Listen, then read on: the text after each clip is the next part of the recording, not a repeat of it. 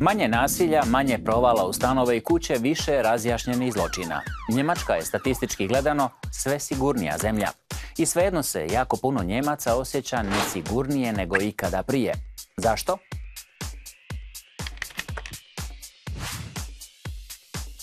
U Njemačkoj je u 2017. registrirano 5 milijuna 760 tisuća kaznenih dijela. Na prvi pogled to je stravično puno, ali zapravo je to skoro 10% manje nego godinu dana ranije.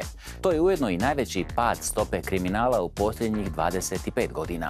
Manje je ubojstava, manje je slučajeva seksualnog zlostavljanja djece i maloljetnika, smanjio se broj evidentiranih džeparoša, broj provala u stanove i kuće, a osjetno je opao i broj kaznenih dijela za koja su odgovorni stranci.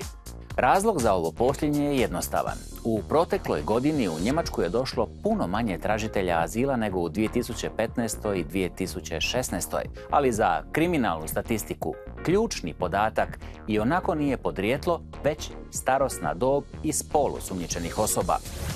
2014. godine, dakle prije izbijanja izbjegličke krize, mladi muškarci stari između 14 i 30 godina predstavljali su najproblematičniju skupinu. Iako je njihov udio u ukupnom stanovništvu iznosio samo 9%, svaki drugi osumnjičenik je tada bio upravo iz te dobne skupine. U 2017. to je bilo njih 44%. Ali statistike su jedno, a osjećaj nešto sasvim drugo. Skoro svaki drugi Njemac kaže da je danas život nesigurniji nego prije nekoliko godina. Tom osjećaju je doprinijela jedna kobna noć u Kelnu. Nakon nje ništa više očito nije kao prije.